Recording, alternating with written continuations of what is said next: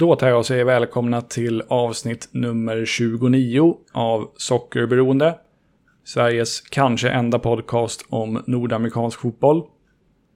Jag heter Johan Dykhoff och i det här avsnittet har jag intervjuat Jason Anderson som är poddare och skribent med fokus på fotbollen i Washington DC med omnejd. Vill man ta del av Jasons arbete så kan man följa honom på Twitter på JasonDCSoccer. Man kan läsa hans texter på SB Nation-sidan Black and Red United och man kan lyssna på hans poddar Filibuster och Plex Weather. Den förstnämnda podden handlar om MLS-laget DC United och det är också fokuset för den här intervjun. Jason har varit ett fan av DC United ända sedan MLS lanserades 1996 och har därmed stor erfarenhet av och kunskap om MLS. I den här intervjun berättar han utförligt och entusiastiskt om hur det har varit att följa MLS och DC United under alla dessa år. Vi pratar även om eh, exempelvis vägen framåt för DC United som klubb, Freddie Adus mycket märkliga karriär och den inte helt okomplicerade rivaliteten mellan DC United och det som nu är New York Red Bulls.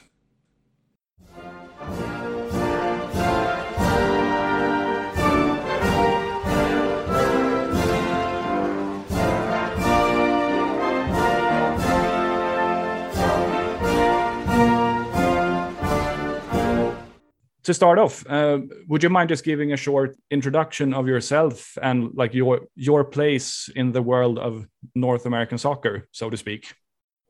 Uh, I'm Jason Anderson. Uh, I'm, I guess, most of my time for soccer uh, coverage is uh, writing for Black and Red United, um, covering DC United and the Washington Spirit. We also cover Loudoun United, which is DC United's uh, kind of our B team effectively. Um, the MLS is, as with everything, MLS's way of doing things a little weird, um, and that's definitely one of them.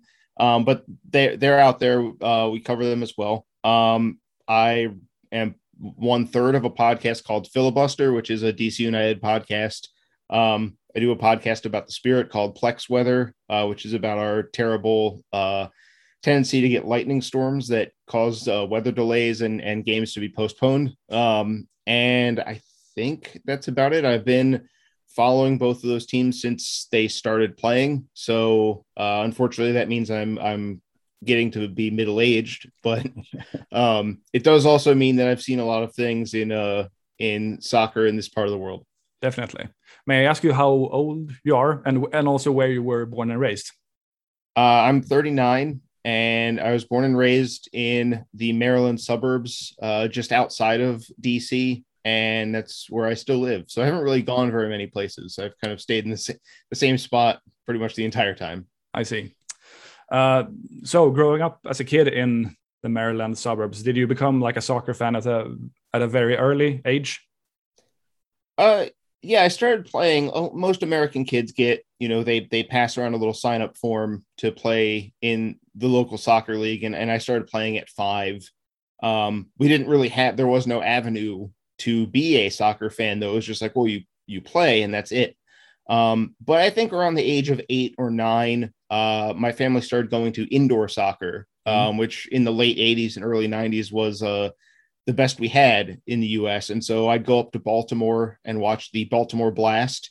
Uh, if people want to watch old, um, if you go on YouTube and uh, look up the Baltimore Blast intro uh, from the 80s, uh, it involves like a big light up thing, and the players run through the lower part of the A, and there's like explosions, and um, they really kind of go all out. Um, so yeah, that was that was kind of where it started. Was going to indoor soccer games, and then um, there was a second indoor team in a different league that started playing uh, closer to Washington. So I started going to those games as well. And the, the two seasons didn't overlap. So you kind of had a year round schedule. Mm-hmm. Um, the Washington Warthogs, uh, another spectacular name. Yeah. Um, and yeah, I, I, was just going to what soccer we had. Um, the World Cup came here in 94. Um, they had five games at RFK Stadium. I went to all of those. Mm-hmm. Um, and that was kind of the first the the run up to that. They they staged a lot of internationals um, in 1993 in all the host cities. Um, so they had a tournament called the U.S. Cup, um, where I think they had two or three games from that at RFK as well. And so it was just kind of kind of primed people like me for and my family who had, like just didn't know what this was all about. It's like, well, they play soccer and it's not like indoor soccer and it's like a whole stadium instead mm. of just like some guys that are playing a game in the neighborhood. Um, and like it was like England versus Brazil, and the U.S. played England, and and the crowds were big, and it's like, oh, this is what it's like. Uh, this is like the real deal. Um, and and then the World Cup came, and that one was kind of like you know fifty-seven thousand people in the stadium, mm. and and um, that kind of thing. It was like, okay, this is pretty. Um, this is pretty much what I I'm going to be doing now. I think. Um, and uh, yeah, I, I, played throughout my youth as well, but um, yeah, just uh, going to as many whatever games we had, uh, and then once MLS kicked off in '96, um, going to as many of those games as I could, and uh, eventually, that's kind of my second residence is a stadium at this point. Mm, I see. Um, since you've been a, fan uh, for so long and since MLS was actually launched, can you can you how do you remember like the launching of MLS and the the birth of DC United? Uh, what what I remember was knowing that there would be a team in the area, and it was kind of one of those MLS does things centrally, so it was just sort of announced one day as like these are the cities that are going to have a team. Mm. Um, and we my dad read it in the paper and he was like he just handed me the sports section he's like here read this read this and i saw that they announced that there would be a team in dc and it was like that's all the information you really get and it was like well i guess we're fans of this team now um is what's happened um but yeah i i remember going to watch this league where they weren't really sure exactly what they were trying to do. They they wanted it to succeed. They thought it had to be different in some ways. Um, DC was kind of a kind of the odd team in that because they were trying, they were saying, no, we it just has to be like a good soccer league. We don't have to be strange. We could hmm. just mm. do soccer and it'll be fine. Um, and the the experience was definitely it's a very different crowd that comes out. You know, the World Cup is an event. People come out for the big event. They might not be there for soccer. DC United started having games and in a big uh, attendance from the Salvadoran community, the Bolivian community, um, other other international. DC being such an international city meant that mm.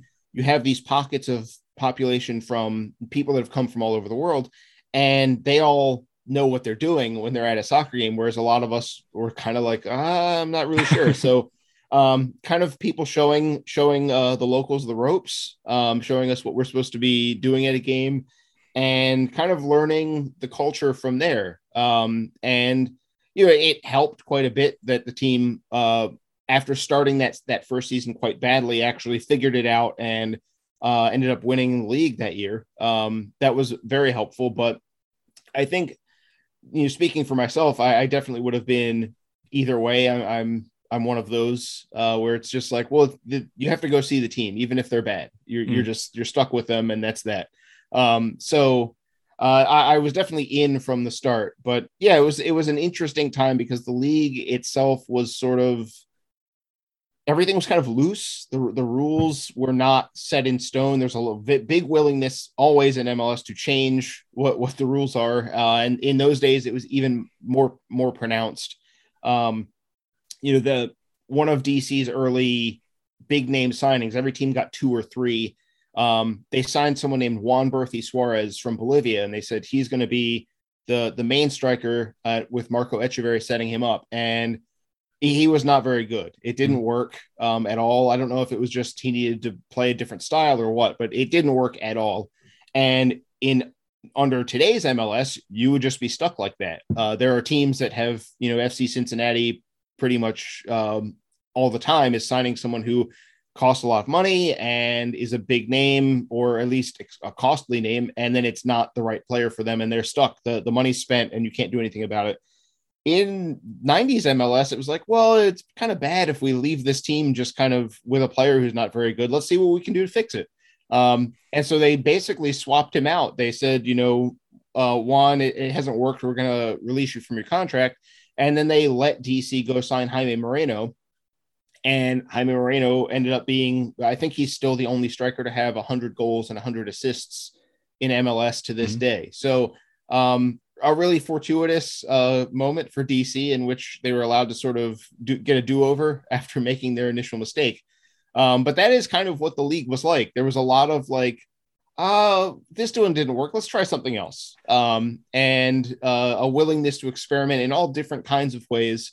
Um, if people have seen, if your listeners have seen the old, um, especially Nike's kits from that era, um, they are deeply strange uh, and, and have a lot of wild colors, but um, some of it works. Some of it's kind of interestingly coming back into style a little bit, um, which is fascinating because I remember seeing some of these things, these retro uh, MLS things come back, and it's like, man, I remember when these were just like roundly rejected. Everyone's like, this is terrible. I never want to mm. see it again. And now it's come back, and people are like, oh, that's pretty cool. And it's like, is it? Uh, but that's ML. That's the MLS way. Is that sometimes it's sometimes what works doesn't make sense, and sometimes what doesn't work uh, does make sense. And yeah. the league's always had that little bit of a strangeness to it, even from day one. I believe uh, the LA Galaxy, they their away shirt this year is sort of based on or inspired yes. by their shirt from back back in 1996. Yeah, well, and it's important that it was inspired by um, right. that they didn't just reproduce the old one because they a few years ago they they had a third jersey that was um the, it, I think it was the same pattern with some different colors, but the mm. pattern was the problem. Um, the pattern was very bizarre and it did not work. Um, right. So this one they said, let's take those old colors, but you know, put it in a way that uh, people's eyes understand uh, more readily. exactly. Um, back then, uh, was it sort of um, because I, I, remember reading about MLS in like 2000, uh, in like the t- seasons 2001 to 2003. There mm. were there was actually like serious doubt that MLS would survive as a league with the two Florida teams folding and so on. Like back then, do you remember it as being like worried that I, I don't know if this team or if the the entire league is going to be back next year? Uh, yeah, certainly. Um, that there were there was a lack of stability and a lack of breakthrough. The league thought it would be further along than it was. Um, and yeah, it, it did seem from afar. DC United seemed fine. Um, even though the team had had a couple of bad seasons at that point, it didn't seem like popularity was dropping here. Mm. But you'd watch the other games around the league and see, you know, the the crowd at these other games might be half the size, and that that's not a great sign when you know the whole league the the way the league was covered was about attendance is important um you know sponsorships are important all these all these things to bring money in are important or else this thing is going to fall apart Mm. And you look around and see these other teams where it was like, well, there's not very many people there. That's not a great sign. Um, teams folding, uh, not a great sign. Um, so yeah, it, it was definitely a a worry, but it, I guess in DC, especially being younger, um, you kind of have that assumption. I was, I think I was 20, 21 at this point in time. Uh, the the time in your life as a as a young man where you assume that you're invincible more than any other time and so it's kind of like, well, things are fine in DC, so I, it'll probably be all right. Hmm. Um, but you know, you can't silence that voice of seeing those other games and being like, oh, this this does not look uh, this looks wobbly. Yeah. um, and then you know, a couple years, I think I, I want to say maybe the last seven or eight years, seven or eight years ago, um, there was some reporting about how how close it came, and it was mm. actually down to literally the owners had decided to pull the plug on the league and then about 20 minutes later um, the uh, uh, owners of dallas uh, actually called some of the other people and said like let's give it another shot and they they basically had to like talk themselves into keeping going they were they were going to abandon the whole thing so mm. um, finding that out later was uh was kind of eye-opening to see how close it came um, for the for the whole thing to have gone under. Um, and and I don't know what would have happened at that point to the teams that were in a good spot. Uh, a team like DC or the LA Galaxy, for example, um, maybe they're able to sort of extract themselves from that and start something else. But you know, if if this one, if, if I feel like if MLS had failed that at that point in time, um, I don't know that American soccer is much more than you know the, the USL, for example, our our second division. That might be all it all it ever got to be mm. um, at, at, that point. So uh, it ended up being a very crucial moment. You know the the the decisions they made to sort of uh, forge a new path, including they folded some of the teams to cut some of the losses. There were teams, there were multiple teams being owned by um, one or two people. Mm-hmm. Um, I believe um, Philip Anschutz at one point owned four or five different teams, including DC for a little while, well, which is definitely a strange thing, but um, it did keep the league afloat. Uh, and it, but yeah, it, it was absolutely um, a more uh, close, more of a close call than I think anyone at the time knew. But everyone knew there was like this isn't going so well. Mm. Um, that this is kind of not where it was supposed to be have been by now.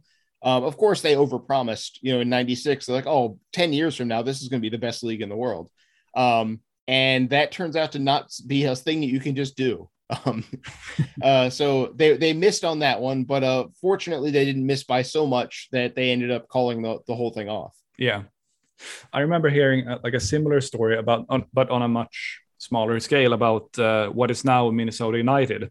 Uh, mm-hmm. Because I've, I've, got a bunch of friends uh, over there, and I've been to Minneapolis once. Um, when they played in the NASL back in like 2013 or 14, something like that, uh, mm-hmm. the team was actually owned by the league, and they ended up winning the championship.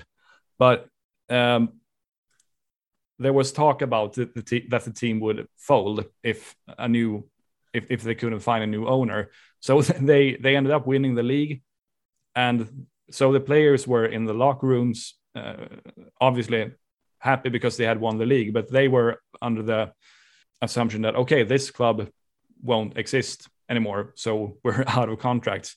But then mm-hmm. apparently this uh, current owner, uh, Dr. Bill McGuire, stepped in and actually bought the club and eventually uh, bought, uh, expansion uh, what is it called expansion team uh, and mm. which which is now Minnesota United FC. So that's such a fascinating story, and there are yep. obviously more more of those uh, in in North America. Yeah, the um, I remember the San Francisco Deltas in the NASL. um, uh, I, I, you know, they they kind of did what you just described about Minnesota, except they did actually then cease to exist. Yeah, um, that team played one season, won the league, and then that was it. Um, which uh, I feel like is the kind of thing that that only happens here. Uh, mm-hmm. It's like it's maybe unfortunately our one truly unique quality is uh, these these these situations happening where a team exists but it doesn't have any previous underpinning. It just sort of comes from nowhere. But that also means that if things go badly, it can disappear very easily. Um, and that is uh, I think that I mean for the folks that were around in those early MLS days, I think that fear still kind of sticks in your head a little bit. Mm-hmm. Um, I mean, I until DC United opened the stadium in 2018, I definitely spent a lot of time. I think from I would say 2013 to 2017, um, uh, or I'm trying to remember exactly when the the city government passed the the resolution to build the stadium. Um, but until they passed that resolution and until they actually started construction uh, on the stadium, it was like this could all go away. Mm. Uh, that, that if if there isn't something to uh, put some roots down here, this this might be it. Uh, I mean, literally, uh, RFK Stadium. If you were to come to DC wanting to visit it, you wouldn't be allowed in uh, because they found uh, asbestos and I want to say lead in the building in a in a later inspection, and so now you literally can't go there. Um, I was in a preseason meeting between the team and some journalists, and they were asked, there was one person asking if they could get in to do a photo shoot at RFK, and they said literally no one can go in there. Um, the city has declared it unsafe. so um, that's the kind of timeline they were up against. So the the worries of the the team dissolving so fast, and and you know, in in Europe um, and in other parts of the world, thinking of like in Italy, for example, uh, there are a bunch of teams where the team had to fold, they had to declare bankruptcy and dissolve as a financial entity, and then the next day they are restarted with the same colors, virtually the same crest, and virtually the same name. And sure, they start uh, at a lower level, but they exist again. Mm. Um, in the U.S., that doesn't that doesn't really happen. Uh, your team ceases to exist, and then that is it. Um, maybe someone else comes to town and starts a new team with new colors and new everything, but it's not it's not an attempt to resurrect the old thing. It's just it's like no, no, the old thing is dead and it's yeah. never coming back. It's this is something else entirely. Um, and that's yeah, kind of what we do. There's not a new Chivas USA, so to speak. Right, right. which which might be for the best. Yeah, exactly, definitely. um, so, uh, what are some of your best memories as a DC United fan? Uh, I mean, a lot of them center on RFK Stadium, um, which kind of has this reputation as being not very good, um, which I couldn't disagree with more. Um, I thought it was the best. Um, just uh, is a big old multi-purpose bowl of a stadium. Um, the stands were a little far from the field because of it being a stadium built for baseball and um, football and anything else you want to throw in there. Um, but yeah, the the the way the stadium seats would slide to accommodate for baseball um, meant that the seat, the some one section, one chunk of the seats were on a track, mm. and that meant that they weren't quite fastened to the ground. They they were in this sliding track, and so if enough people jumped up and down, the stands themselves would bounce. Um, which I'm sure for like if you if you were a newcomer and you're looking at the condition of the stadium and putting, putting together like this is a 50 or 60 year old stadium, and a bunch of people are making the stand shake by jumping on it, it might be unsettling. But if you're someone who's come up in that environment and it's just like this is just what the stands do here, mm. um, this is normal. So instead of it being like, is this place going to fall apart? Instead of for me, it was like this is a feature, not uh, a bug in the stadium. So, you know, the stands bouncing, um, th- things like you know Marco Etcheverry and Jaime Moreno. Fortunately, those early years were so good um, the teams were really excellent in the 90s, so uh, I didn't have to learn the hard way about mo- what what a supporter's life tends to be like with most teams everywhere is that you don't very you don't get to win very often. this was instead like no, you get to win all the time. Um, your your team's going to win something every year. Um, they won uh, two trophies every year of the 90s. Um, which uh, no one else in MLS to this day ha- has a, a, run like that um, which you know kind of underlines how much they had figured out how to how to succeed in MLS by MLS rules and how to force. You know, th- there's one thing in MLS where if your club is forcing the rules to change, um, the Galaxy are famous for this or for a long time. DC early in the early days was good at it and got less good over time. Mm. Um, but yeah, if you're if you're the team that is pushing MLS to change the rules, you're probably also going to have some success. Um, and DC was that team. So uh, those early days, um, you know, winning the CONCACAF Champions Cup back when it was just a Champions Cup and not the Champions League, um, which meant beating Mexican teams, um, which was like, you know, it was seen as like, well, you're not going to beat any of those teams. Mm. And then they did that. And it was like, well, if they can beat the Mexican teams, I, you know, granted being a teenager, I was like, they can beat anybody. um, I, I distinctly remember US soccer was trying to US Soccer and MLS tried after that in 1998. Um, they DC won the Champions Cup and then won a tournament that now no longer exists called the Inter American Cup. They beat Vasco da Gama from Brazil. Um, and MLS and US Soccer pushed for FIFA and UEFA to allow them to play the Champions League winner. Um, they said, "You you guys play South America's champion. Why won't you? We beat them, so why won't you play us?" Um, and it's kind of the the arrogance of youth there, um, because you know the, the details of the Inter American Cup were that uh, Vasco da Gama were like, this isn't worth our time. So rather than play a second leg in Brazil, they had their home leg in Florida. Um, and they were just like, ah, we'll just we'll come up to America anyway, and and it'll be fine. And these guys will play their little game, and that's that. Um, but on the MLS side of things, it was taken as like we're better than our league is now better than anyone in South America. We're better than the Mexican league. Now we have to go after the best of Europe. That's mm. the hmm. only way. Um, and UEFA were like, "That's nice that you think that," and that was the end of it. Um, and then after that, the the Inter American Cups never was never held again. Um, it was just everyone sort of gave up on it once uh once one MLS team won it and then got a, a little rowdy about what they could do from there uh, all parties decided that they were just not going to bother anymore, which is, eh, you know, in, in retrospect, funny, but at the time, people took pretty badly because they were like, no, no, they should, they should absolutely let, um, I don't know who won the champ. I now I'm I'm forgetting who won the Champions League in '98, but it would have been whoever that was, mm. and I'm sure it would not have gone well. Uh, a 1998 MLS roster was certainly not equipped to take down the best team in Europe, but certainly uh, everyone over here was trying to talk themselves into it. So, you know, things like that are are um, big memories for me. There was also um, the culture around DC United was was very unique. Um, this was the one club who's who set up an environment where supporters could do supporter things. Mm. Um, and so you had organized chanting, you had drums, and you had uh, chants in English and Spanish, um, which, you know, the other sport that I followed closely as a kid was ice hockey. So I'm a huge Washington Capitals fan. And the Capitals game, you know, the Jumbotron plays music and tells you the times where you're supposed to clap, clap or do a chant or whatever.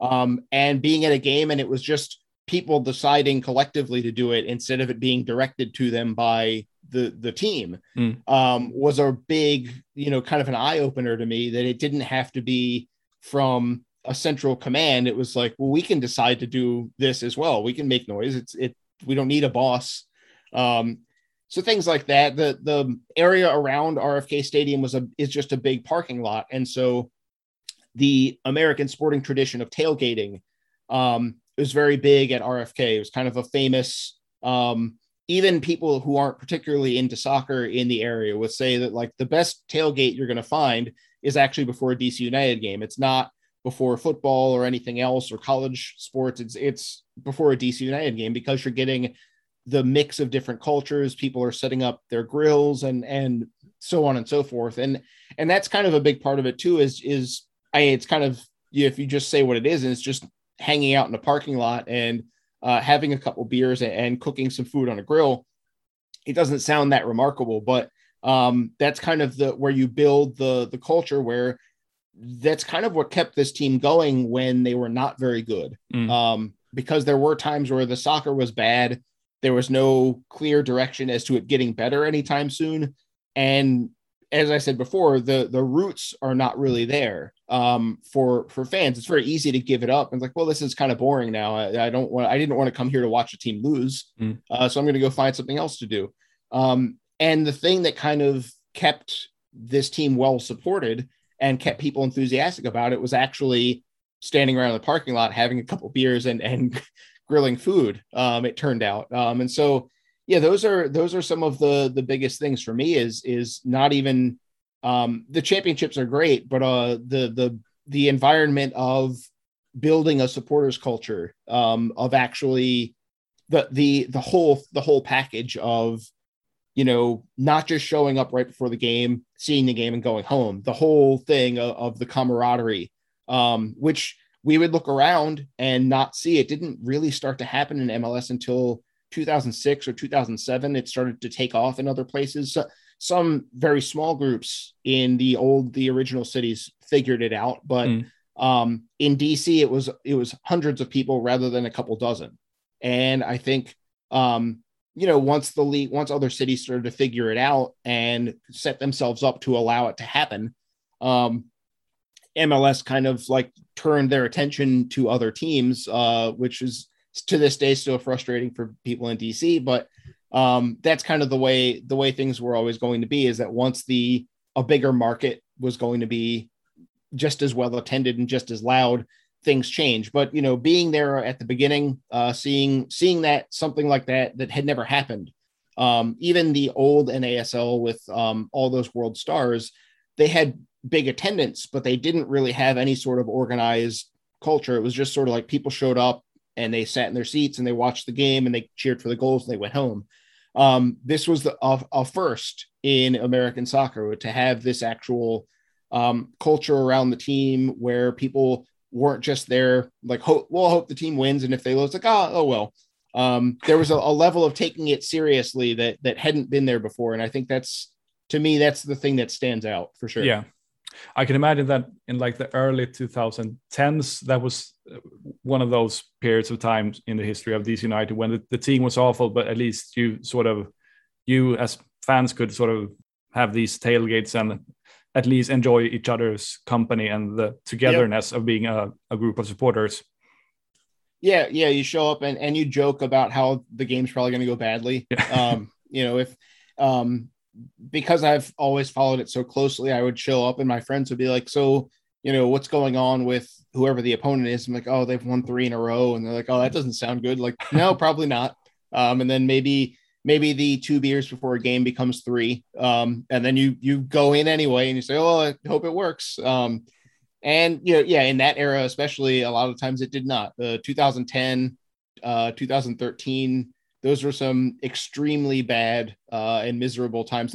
DC won a cup in 2013, they they won the Open Cup, which is still the, one of the strangest things I've ever seen in my life because all of the rest of the season, they were completely unable to score any goals and get anything going. But for five cup ma- or four cup matches, one cup match, they looked like the DC of that season. Uh, they advanced on penalties, but the other four games, they actually looked like confident and organized and played with a purpose and all that. And it was like, how how have you done this? Um, and it still doesn't really make sense. Yeah, it's it, it is strange. Um, mm. As I mentioned before, my, my favorite team here in Sweden is Hammarby, and they, they have not had a very good season at all. They they fired their coach a couple of months ago, and but they actually managed to win the cup on penalties, okay. of course. But so I I totally understand that feeling.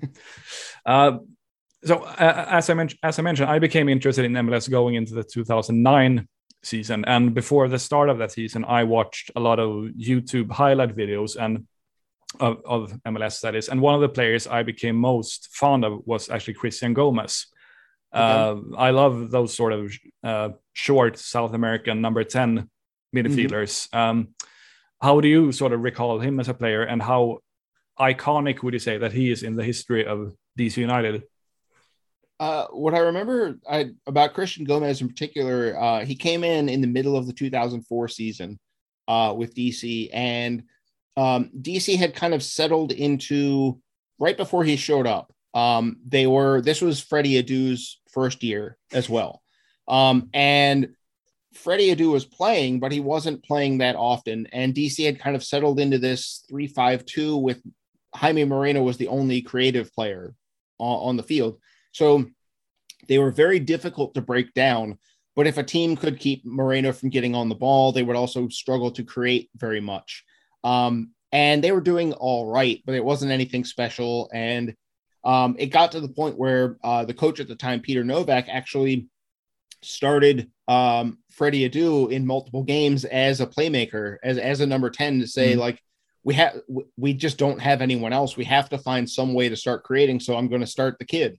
Um, and I think it was two or three games in a row of that um, while they were behind the scenes trying to get Gomez uh, on board and get him signed. Um, and when he showed up, it was an interesting scenario because everyone was told, like, well, he's in his off season, um, so he's not going to be fully fit, um, and it's going to take a little while.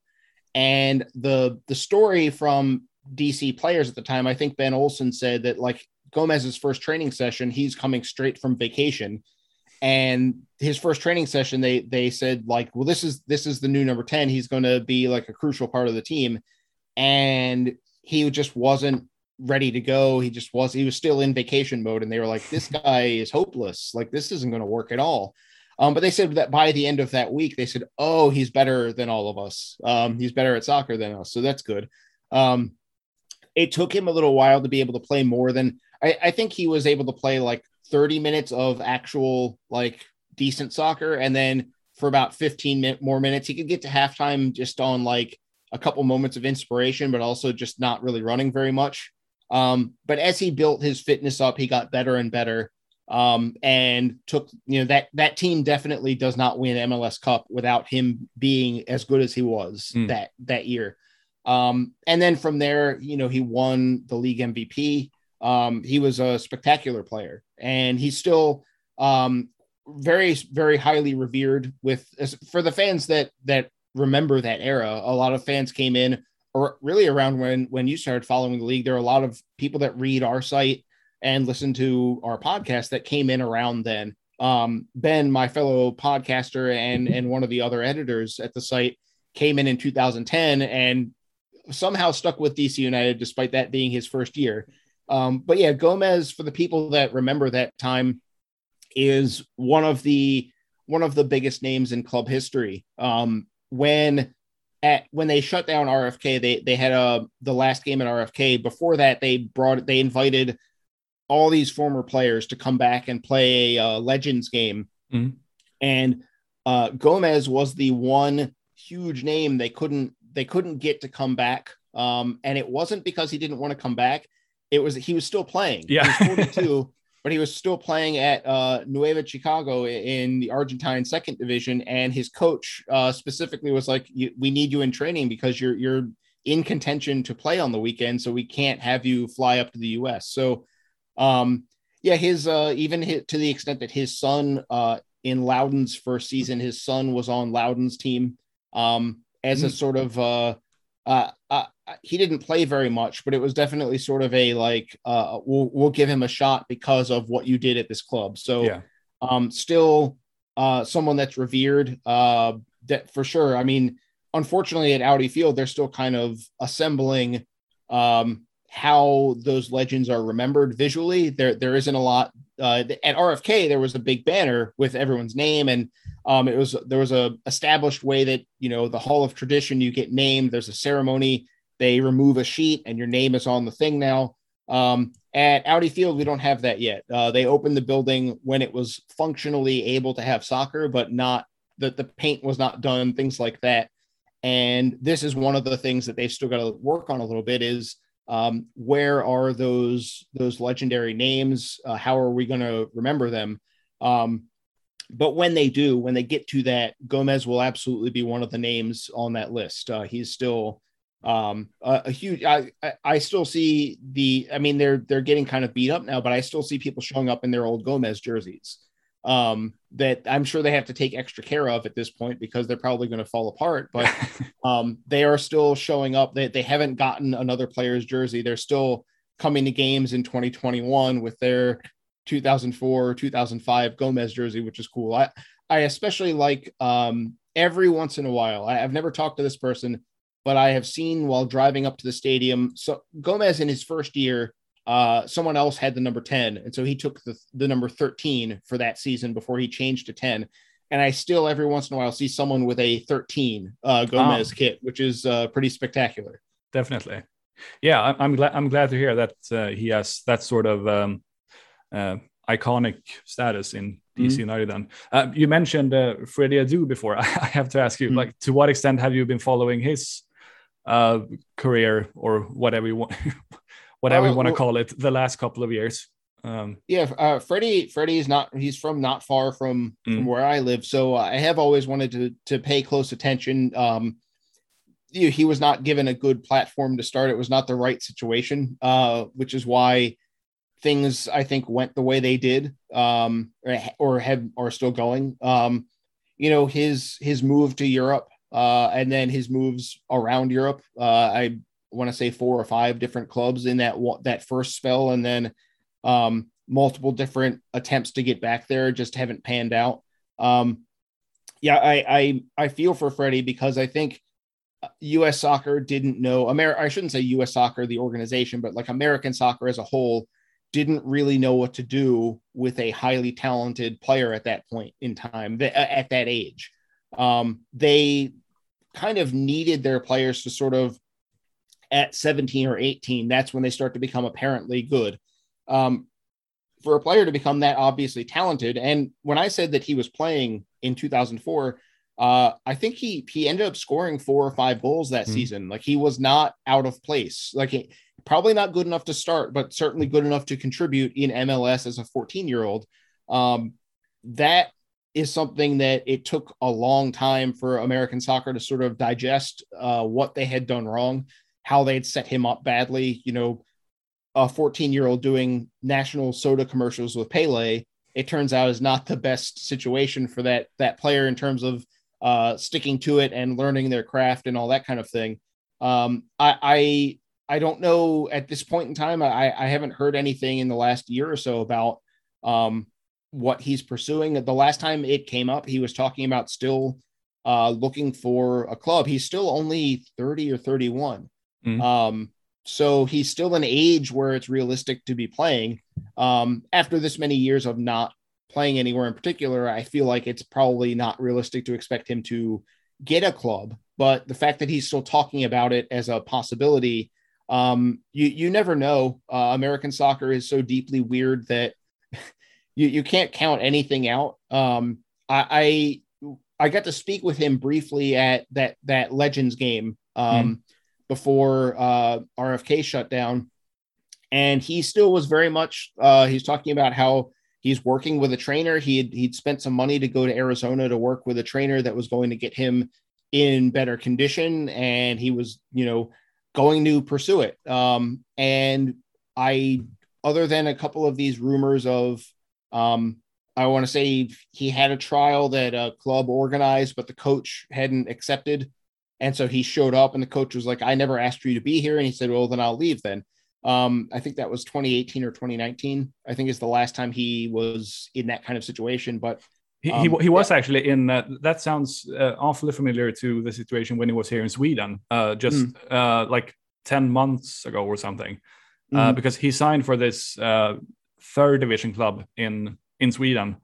Uh, yes. and he and he I think he signed in October and he came here in January or something. And he practiced with the team for about a month and he played like one I think he played one half of a uh, friendly game and mm. then he was cut because the club didn't feel that he had the mental or physical ability to play in the Swedish right. third division. Mm. Uh, and at that point, he hadn't played for any club since 2018 when he was with the Las Vegas Lights. Yes. Uh, and to me, it feels like that was probably the last club he'll ever be under contract with. I can't, I, may, or maybe he could have signed for like a USL League Two or NPSL club, but that was, that would probably be more of a, like a mar- marketing stunt more than yeah. anything. And Las Vegas was that as well. Yeah. Um, Las Vegas has done uh, some marketing stunts that are not so obvious that are you know kind of kind of nuts. They've they've done a a very strange thing with a helicopter where they just dropped a bunch of money and allowed fans to chase the money around while the helicopter blew it around. Um, they've done all kinds of stuff uh, at at that club, and and sometimes it's silly, and sometimes it's you know kind of like, do you remember this person? Well, he's playing for our team now. Um, I I don't know. I, I I've always uh, hoped that you know, Freddy, whatever whatever has you know led him astray. Um, I, I hope that he sorts it out for himself, not even for soccer reasons, just for his personal life. I yeah, know exactly. Um, he was he was working as a coach um, in the area, and and maybe that's maybe that's his way forward. Um, maybe that will be uh, the thing that turns out to be fulfilling for him. But uh, it is kind of a kind of an American soccer tragedy in a way mm. that you know a player of that ability at that age uh, instead of saying like let's make sure to nurture this player and bring him along they just said like you're now the biggest star in the league uh, before you kick a ball. I, I, I still remember going to work um, at you know i'm 22 is my first job and no one in the office knew anything about soccer. And uh, the first week of the season uh, my boss came by my desk to ask me he's like this freddy adu is he going to be any good and I was like, well, he's only 14. I was trying to explain it in soccer terms, and he didn't want that. He just wanted me to say yes or no. um, and I just didn't get the question. And I was like, well, it's kind of hard for a 14 year old to be at his best, but like he is very skillful with the ball. And the guy's like, ah, I don't know what this means. And he just kind of gave up. And I was like, well, and that's, I guess, me being a soccer ambassador is uh, getting getting too deep into the weeds too quickly. But, yeah. uh, no, with, with, with Freddy, I, I I wish that everyone had been more prepared. Um, Freddy as well. Um, he certainly bears some of the responsibility, but MLS and American soccer were certainly not ready for that situation at all. And and thankfully have gotten much better because now you see so many young players breaking through all across the league that are actually in a situation where they can keep improving, well, mm. which is uh, it turns out better that it, to have things set up that way than to just hope it pans out somehow. Yeah, exactly. Yeah, I I also wish him all the best. And if you if you watch like old highlight videos from let's say the under 17 World Cup where he played mm-hmm. when he was I don't know 14 or 15, there's no doubt that he had like great qualities as a player. Uh, with his uh, he had a, he has a really good left foot and he was like strong and quick on the ball, but probably there was uh, I don't know if if if if his um, if there was something with his attitude or whatever. But I I hope it turns out well for him. Um, mm. And maybe that's in coaching or just well or just in general. Mm. Um, I would like to ask uh, who are and have historically been like the main rivals of DC United. Uh, well, it's definitely the New York Red Bulls. Um, going back to when they were the Metro Stars. Mm. Um, that's the number one for sure. Um, the it's an interesting spot now because that rivalry has lost some of its uh, shine because NYCFC exists and MLS has made no no bones at all about how they want that to be the rivalry. They do not want DC United, New York Red Bulls to be the rivalry. Um, they pretty notoriously uh, have been scheduling those games between the two the two old rivals uh, for Wednesday or Sunday. So mm. away fans for both sides, it's very difficult because it's a work day the next day. Um, that's been a complaint that um, those of us in DC, as well as Red Bulls fans, it's something we all agree on, and and something that every year the schedule comes out and we see that it's like Wednesday, Wednesday, Sunday, and we agree to complain about it as a group. Um, and it doesn't it doesn't really get anywhere because MLS has made no they just are not interested in that complaint. But um, that is still the, the number one. Um, though it, it is an interesting thing where that you know the Red Bulls have changed so much as a club and now are more than ever a Red Bull organization. Um, and that means there's a little bit of a detachment from the way things used to be. Um, and on DC's side, uh, it felt inside the organization for years like the one the one reason a newcomer, a, a, new player for DC United might understand how much how important the rivalry is is that Ben Olsen was there to tell them exactly how important it was. And now he's not with the club. So who's doing that?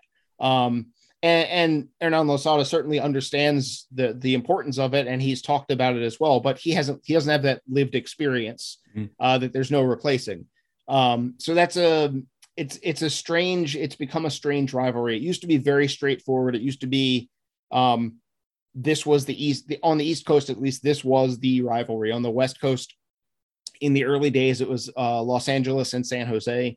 Um, but there's a similar dynamic there where lafc has come in and the lafc la galaxy uh, which is known as el trafico um, is that's the rivalry over there. And LA, the, the old school Galaxy and San Jose fans, they still very much care about when they play each other, but it's the old school fans that care. And it's the same thing here. Um, uh, to, a, to a certain extent, the, you know, if you asked, if you went through the stadium on game day and asked DC fans who their rivals are, um, you might, for newer fans, get a different answer. You might get Philadelphia, uh, mm. which there's the geographic proximity, and there's also there is a history on the field of DC and Union games being. Um, there was a stretch of games where every year they would meet in the Cup, and every year that game would have some sort of shoving match, or you know, a player would throw a punch or something like that. But what would be funny is that in the stands, the a lot of Union fans actually before that team came to exist were kind of DC fans, um, oh. because they're halfway between the two cities, and they were like, "Well, we're definitely not going to root for a New York team." So the closest, we'll root for the closest team, and that's DC. And so in the stands, there's actually quite a bit of uh, getting along. Uh, it was kind of like uh, I distinctly remember being at a cup match, and they they would often before the stadium was built play these cup matches out in the suburbs in a very small stadium. It only seats about five thousand people, and the Union fans were set up. Their away section was like one. There's like one section between the away section and all the DC supporters. And when you get there, normally it's like, well, that's a terrible idea. There's, you know, there's not really much security here. You're just going to have these two groups so close together with nothing between them. Uh, but in the end, it, it just ended up being, you know, kind of two groups making fun of each other and laughing about it.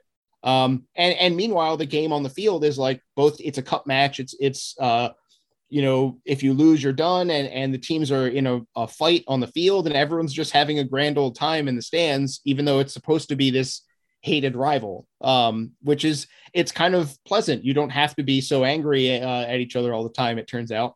Um, but yeah, there, there's some something with Philly for sure. Um, and you know, if you really go with your old school people like me, there's always going to be some antipathy towards the Galaxy.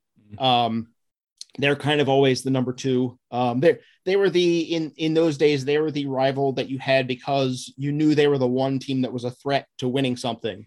Um, they were like the the Metro Stars were not going to end your season, but the Galaxy might be able to end your season and, and take a trophy from you. Um, so that that rivalry is still in place for sure. Um, but yeah, D- DC's kind of in an odd spot. You know, mm. the the older teams, there's always something. Um, if you ask a Columbus fan or especially an older Columbus fan, they have a big it for them. It's a big rivalry with DC. and DC side, it's not so much. Um, New England, it's kind of the same thing uh, to some extent. New England's kind of cursed with both of those teams are kind of cursed with the no one ever really took them on as a rival in mm. the old days. Um, New England fans are kind of like, well, I guess that's just the way it is. Columbus fans are like, no, no, DC is our rival, and and DC was like, yeah, I don't know. Um, hmm. you're you're one of the teams we play.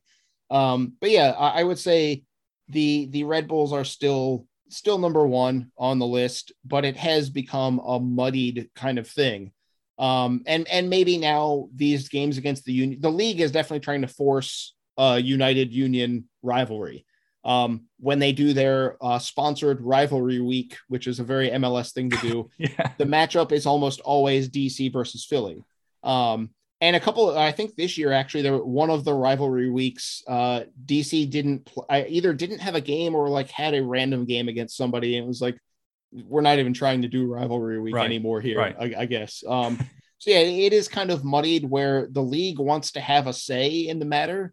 Um, and it's one of those fundamental things that a league does not get to have a say in who uh, what fan bases don't like each other and want the other team to lose that doesn't happen because the league says that's who you should do it uh, with it's you as a fan base you make that choice and um, it's one of those strange things where they're like no you guys should get together over here and and at least for some of the older dc fans it's like no this is never going to change um, i'm always like not only am i always going to want the red bulls to lose here but like when I watch the Bundesliga, I'm going to want uh, uh, RB Leipzig to lose. Yeah. And if, if I, I hear about um, Red Bull Salzburg, I'm going to want them to lose to the Austrian teams uh, and so on and so forth. So, um, yeah, that's never going to change for me, but I, I don't know how, you know, a new fan uh, would perceive it because when you come in and maybe you're figuring out, you know, you, you don't necessarily have the experience with it who are you going to choose? Um, and then it becomes kind of strange. There,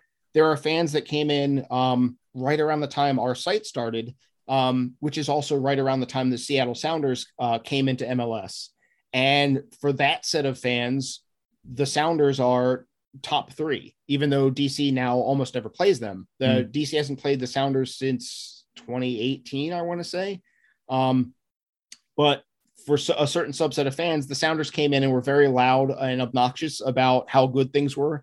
Um, and for new DC fans, that's like just unforgivable. Mm. Uh, for me as an old DC fan, I'm like, I remember being like that. Like we were the same way, so I can't be mad at them for for being like that. So for me, it was like, well, it makes sense that they would be like that. And but for uh, if you're a DC fan that came in in 2008 or 2009, your first encounter with uh, another fan base that was disagreeable was the Sounders. So mm. um, the the age of a fan coming in does seem to matter in terms of who their rival is. But I, I think I think collectively it's still for the whole fan base, the Red Bulls still probably have the most votes. Um, but it's not a clear number one at this point, as much as I would think otherwise personally. Right, right.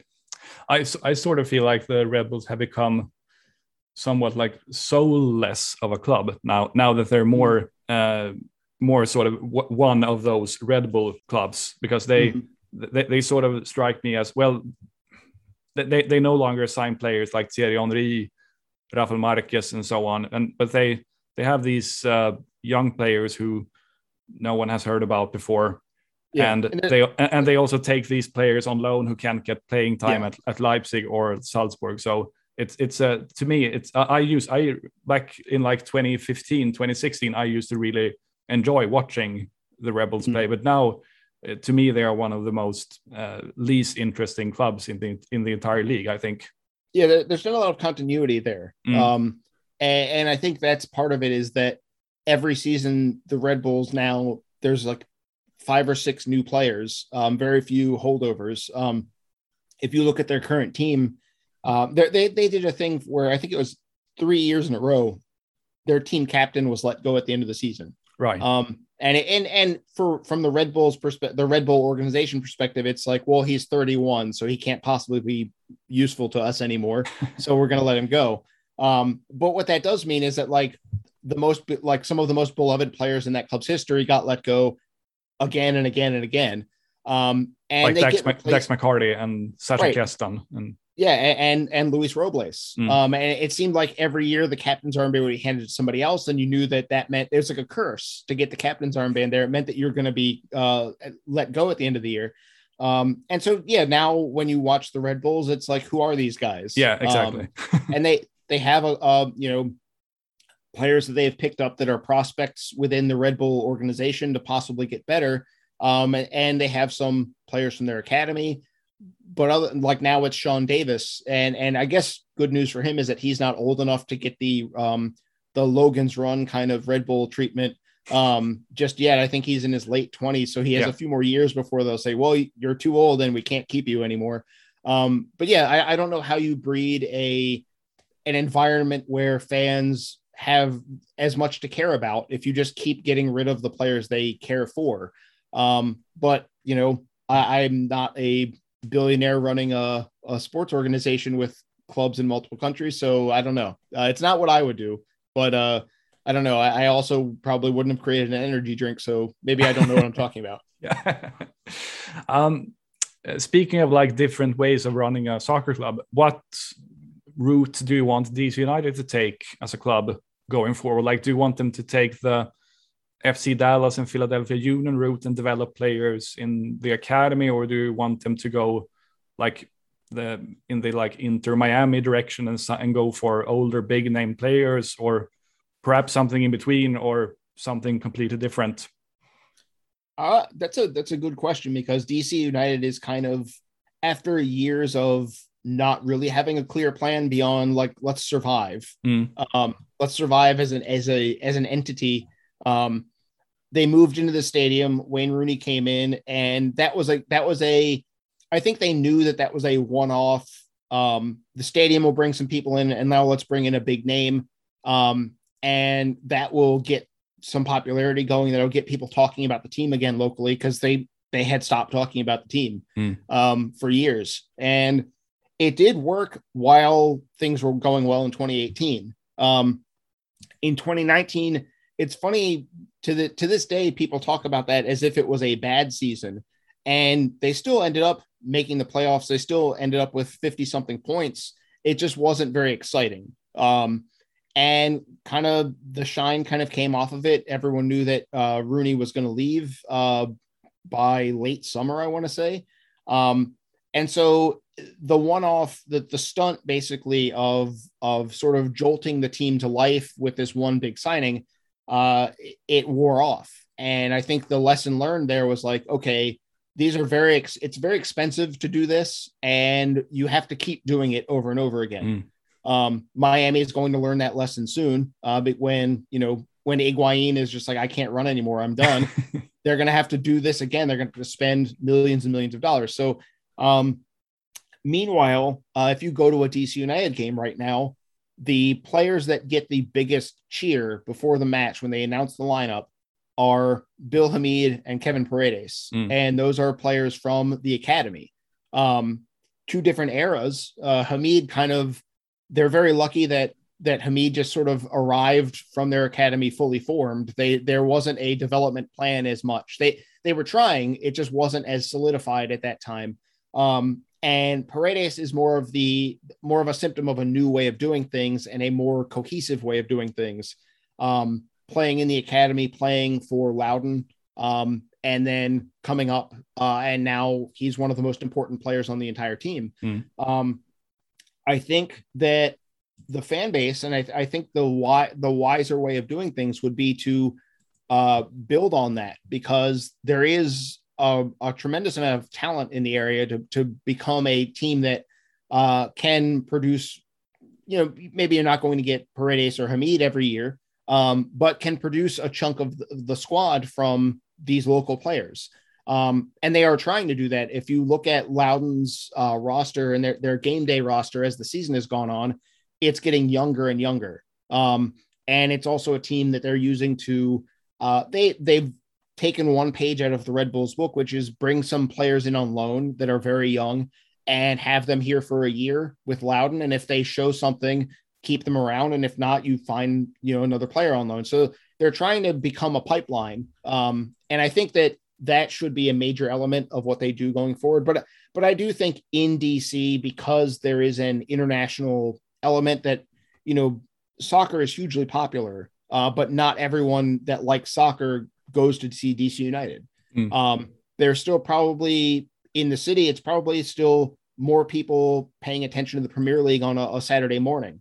Um, and breaking through with those fans will still require either a being an impress such an impressive team that guarantees uh and, and they're starting to do that now uh that guarantees a good show um at, at home dc they're i'm saying this as they come off of a, a zero zero draw but um, up until that game, the games at home have been high scoring. They're very um, they're they're entertaining. Um, and but it takes time. That takes years to break into the consciousness and say, if I go to this game, the soccer is going to be fun to watch. Um, and it takes years to shake off a perception of DC not being fun to watch mm. um, as well. Um, so that's a that's going to be a long path, and they they might want to consider going back to um, maybe not someone in the Rooney category where you're you're paying for someone that you know is only going to be around for one or two years. Um, but they might need to spend uh, some money. Losada has called for that uh, during the transfer window. He said it very clearly multiple times um, that he'd like to see some spending, and and they have put some some money forward. Um, Edison Flores cost uh, five million dollars to bring in from Mexico. Mm-hmm. Um, it hasn't really panned out to the degree that that expenditure uh, would indicate, but it does indicate that at least the willingness to do that is is there. Um, and maybe next season they go back to that well to sort of, you know, kind of combine the two models. I, I don't right. think they're, I don't think DC United's ever going to be a pure FC Dallas level um, academy system where that's where the players come from. Um, I will say though that maybe FC Dallas wouldn't have that reputation if their record of signing players from abroad when they've spent some money has been miserable. Yeah. um, they they go sign someone and and it's almost a guarantee that some kid that no one's ever heard of is going to take that guy's spot by the second month of the season. Um, DC certainly can't afford to do that. Um, but yeah, I, I think there's a path there where they can have elements where they resemble the Union or resemble FC Dallas, mm. um, but still have that that that ability to go out and sign a more established player, hopefully someone who's not in their their mid 30s already. Um, you know, Flores, for example, is it was only in his mid 20s. Um, that's the age profile. Um, they spent before Flores, the big club record signing was Paul Arriola, and they signed him at 21. Mm-hmm. Um, so they understand that that's the way forward. I think. I think Rooney really was a a unique, never to be repeated uh, situation. Um, and, and, you know, now that they've brought in some some of their recruitment uh, and analysis folks, they brought in Lucy Rushton from Atlanta, who is part of figuring out some of the the successful Atlanta signings, um, and and encouraging that. So um, yeah, I, I, think that that's combining the two is where they're going to go, and I think it's where they should go. Um, this is definitely an area where you should be able to put together five or six um, academy products uh, within the squad uh, every year. It shouldn't be too difficult. Um, and from that point on, then you kind of build your, you've got your foreign players coming in, and hopefully uh, all of them are are contributing at a high level. You have one or two uh, notable American players, and and you'll still see there's always going to be one or two um, at, most MLS clubs. There's going to be one or two guys that come in through the extremely MLS path of uh, playing college soccer, getting drafted. That's you know Steve Birnbaum is is the perfect example of that, mm. where um, you know he came through the draft at 22. He starts his pro career and he's he's still here. Uh, he's hasn't gone anywhere. He's playing here. He started last night. Um, that avenue is always going to be there. Um, and I think if DC can find success in all three kind of categories, um, that's that's what I feel like they're doing. But they are still um, they spent so long where it was like we just need to get through this season and figure it out next winter. That long term planning wasn't there. Um, but the expenditure on starting Loudoun United, building a stadium for Loudoun to play in, uh, building the training facility that they've just started using this week. Um, they they finally opened it. Though my understanding is that it's open, but it's not completely done. Hmm. Um, mm. It's open so that they can use it for soccer, but it's not finished. Um, that's a, they've spent a lot of money to build a more cohesive ecosystem for a club. Um, and now we're going to get to see what the actual plan is because it's it's still kind of theoretical. It's easy to tell fans that oh we're going to have academy players coming through and we're going to you know pick players up from Latin America that can be our our you know star attackers and this that and the third. You can say that pretty easily, but actually executing that is different, and yeah. it is a big test of DC now that the obstacles, the infrastructure is no longer a problem. Um, that also means that you do have to go do the thing now, um, and that is the next step. And and coming out of COVID has added the level of what is going to happen. How how much can the club spend? Um, they've brought in additional investors. Um, uh, NFL running back Mark Ingram came in, uh, has been very enthusiastic, which is fun to see.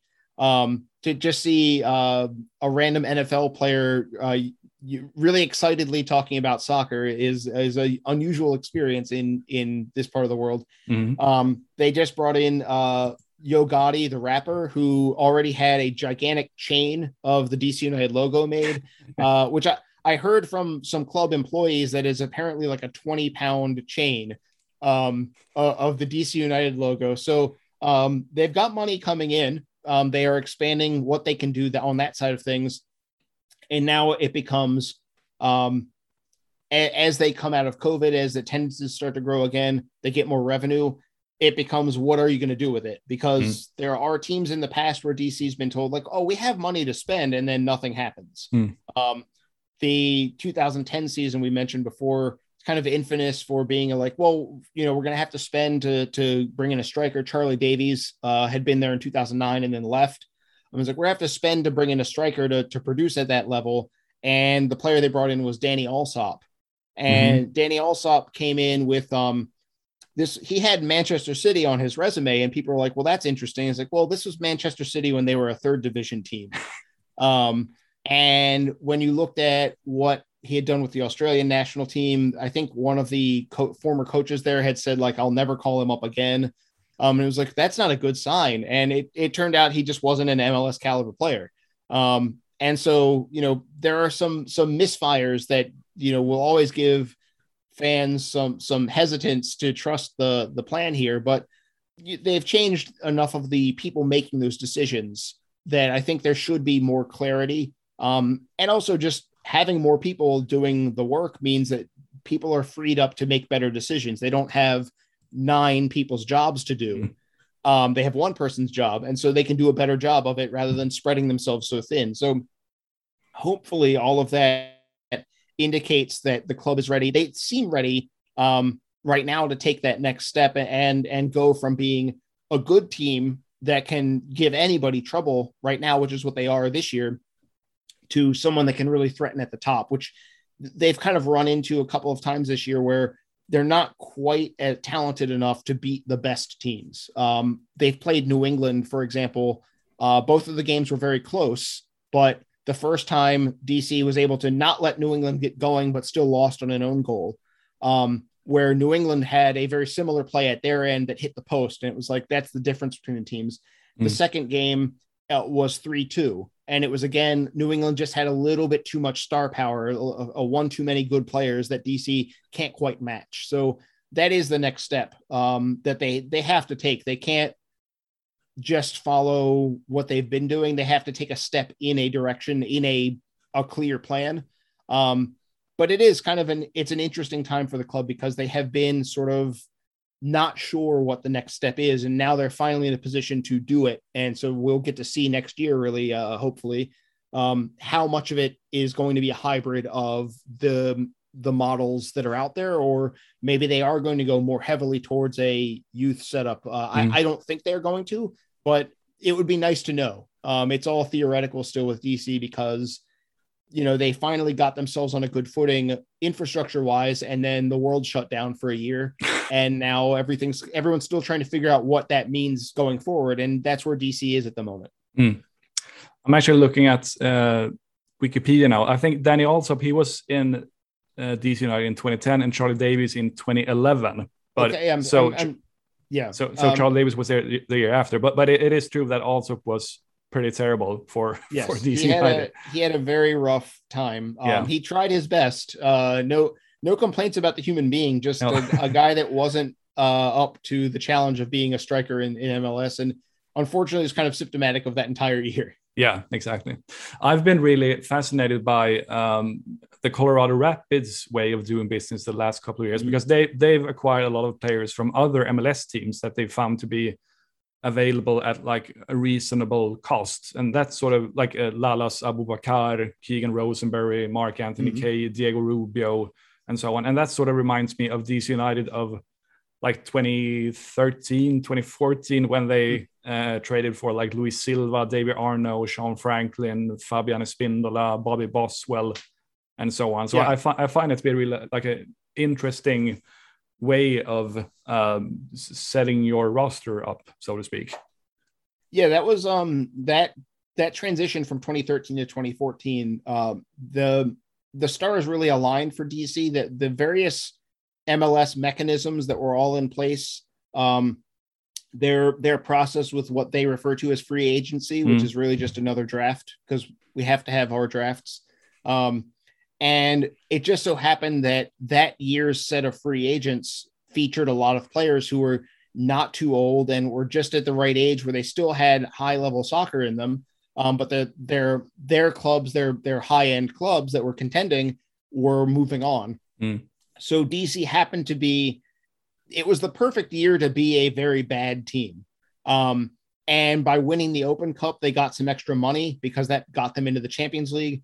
So they set themselves up with, uh, I, I, think, a, a, situation that will probably never be replicated. To have all of this, the MLS gives you extra money when you're bad, um, and to get the extra cup money, and then to also have the the pool of veteran players available in that draft to be so good, it let them rebuild and, and become a pretty good team mm. overnight. Effectively, like within the period of a month, they went from the worst team in the league to a team that finished third uh, in 2014.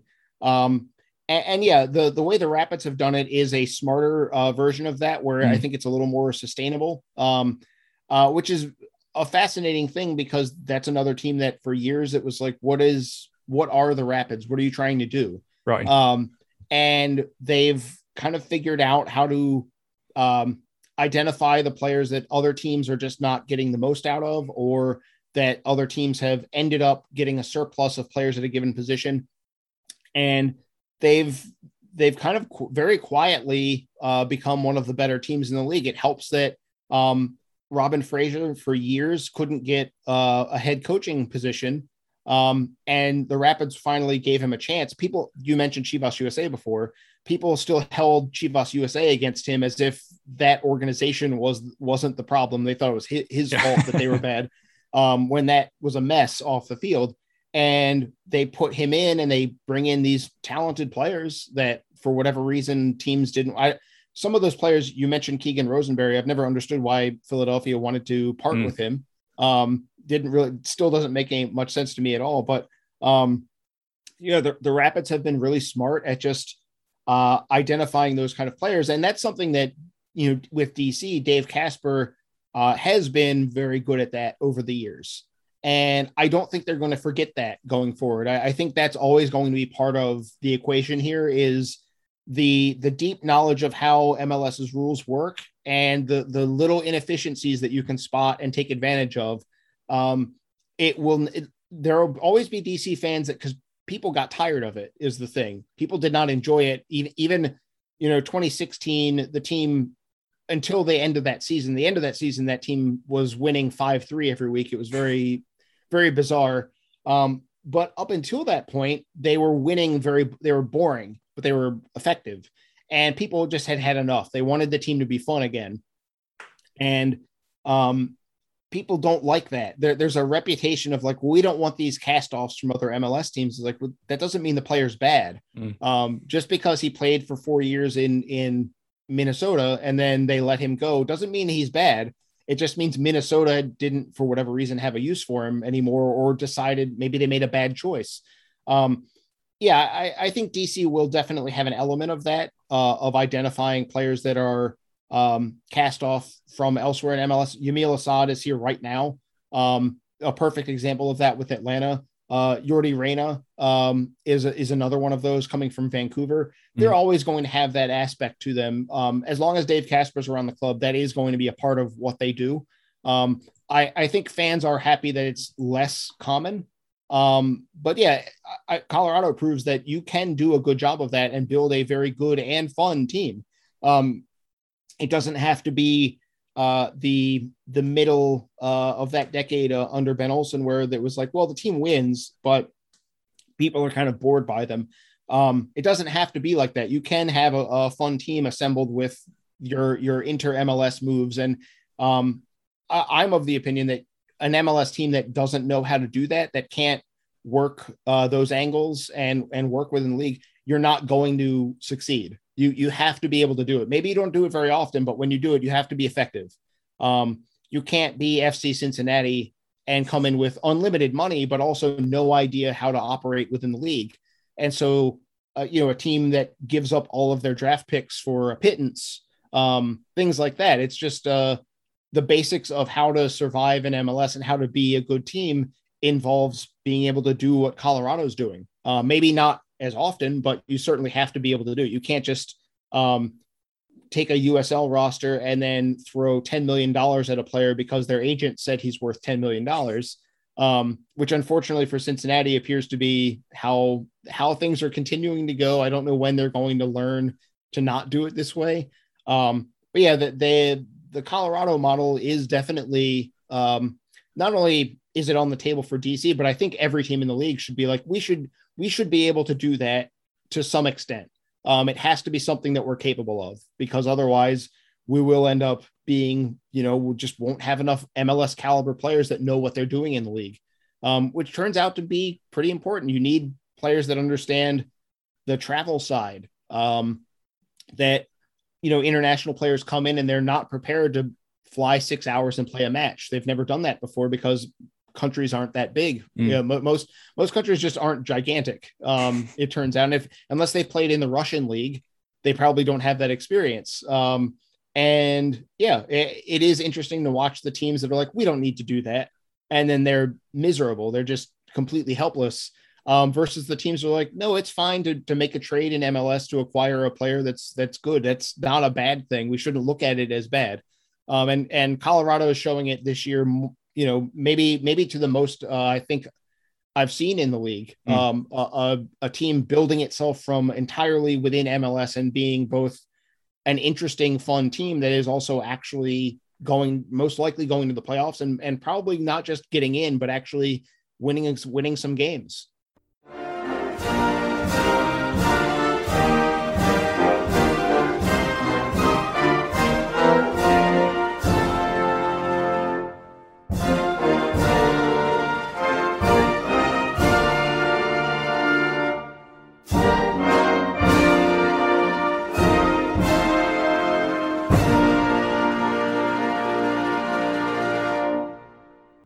Sådär ja, då tar vi och tackar Jason Anderson för att han tog sig tid att ställa upp på den här intervjun och vi önskar honom all lycka och medgång framöver, givetvis.